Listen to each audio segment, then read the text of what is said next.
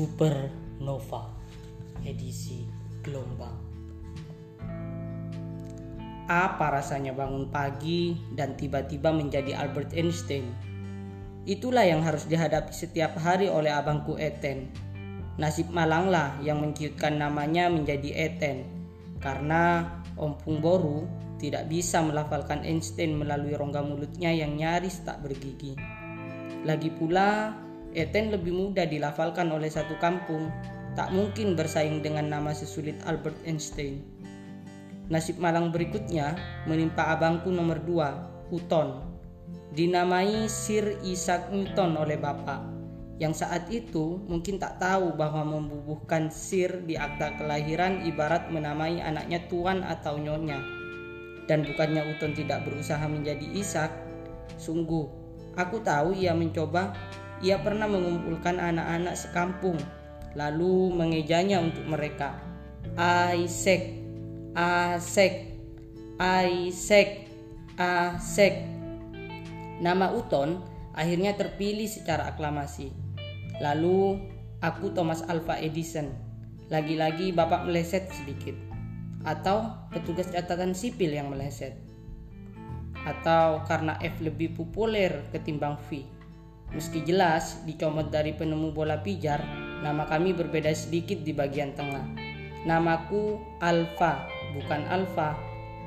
Icon diambil dari Edison, menjadi substitusi familiar bagi lidah setempat. Menyebut Alfa memang tidak terlalu sulit, tapi lagi-lagi Opung Boru memulai tren Icon di kampung yang melekat hingga kini.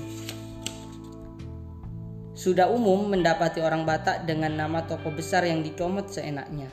Aku kenal seorang George Washington, seorang Elvis Presley, dan seorang Muhammad Ali yang bergereja di HKBP. Entah sejarah apa yang mensponsori pemberian nama-nama muluk itu. Pahitnya, kami bersaudara juga menjadi korban. Bapak kami, Haposan Hot Batahan Sagala, putus sekolah tepat setahun sebelum ia lulus SMA harapan memiliki gelar insinyur di depan namanya yang megah, amblas sudah. Bapak patah hati, tak ada peristiwa yang lebih menyakitkan di dalam hidupnya selain putus sekolah. Bapak membalaskan sakitnya melalui kami. Ia menamai kami dengan nama-nama penemu besar.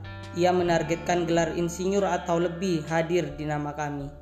Tak mungkin Albert Einstein jadi buruh ladang, tak mungkin Sir Isaac Newton menjadi penjaga toko, tak mungkin Thomas Alva Edison menjadi pedagang bakmi. Kami harus hidup sesuai na dengan nama besar yang kami sandang. Setiap ada pendatang yang tampak mentereng berkunjung ke kampung kami, entah itu turis atau kerabat, tanpa sungkan Bapak bertanya, "Sarjana apa kau? Apa gelarmu?" Seringkali orang-orang mentereng itu memang punya gelar akademis. Bapak semakin yakin akan teorinya. Gelar sarjana akan membawa seseorang menuju kesejahteraan dan kehormatan. Kurasa itulah yang membuatnya tak berselera ketika Opu Togu Urat mengambilku menjadi murid. Wajar jika Bapak malah risau, tawaran berguru itu akan merusak target yang ia susun. Datu memang memegang posisi terhormat dalam adat tapi ilmu Oputogu Urat tidak akan mengantarku jadi insinyur. Bapak bekerja paling keras dibandingkan saudara-saudaranya yang lain.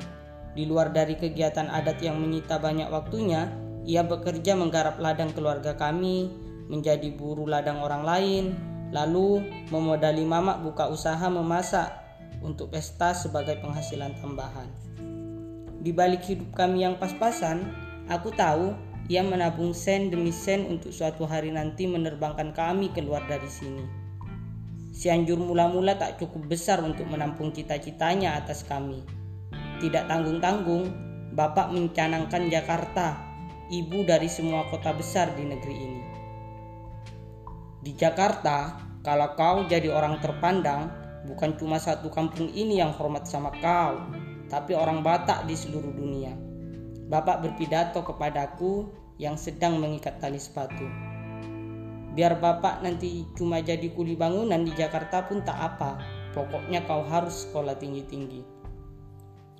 Bapak sudah bilang sama Opu Togu Urat, tanyaku sambil menyandang tas sekolah.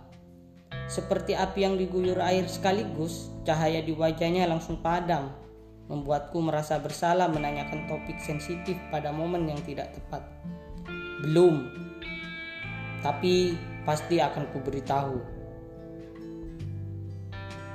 Aku yakin desas-desus rencana kami sudah tersiar ke seluruh kampung meski belum ada yang menanyakan langsung.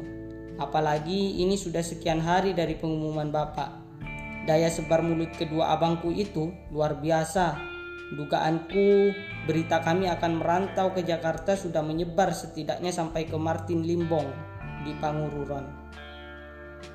Memangnya Opu masih minta kau datang ke tempatnya? Tanya bapak. Sudah lama tak kulihat kau ke sana. Mungkin dia sudah berubah pikiran.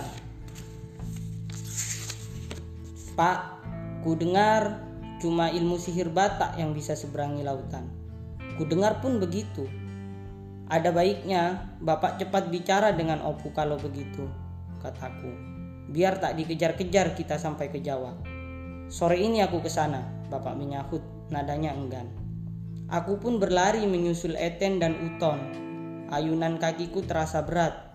Hatiku disusupi firasat tidak enak. Masa tenang ini tidak akan berlangsung lama ada kalibut yang sudah menyiapkan cakar-cakarnya, siap mengacak. thank you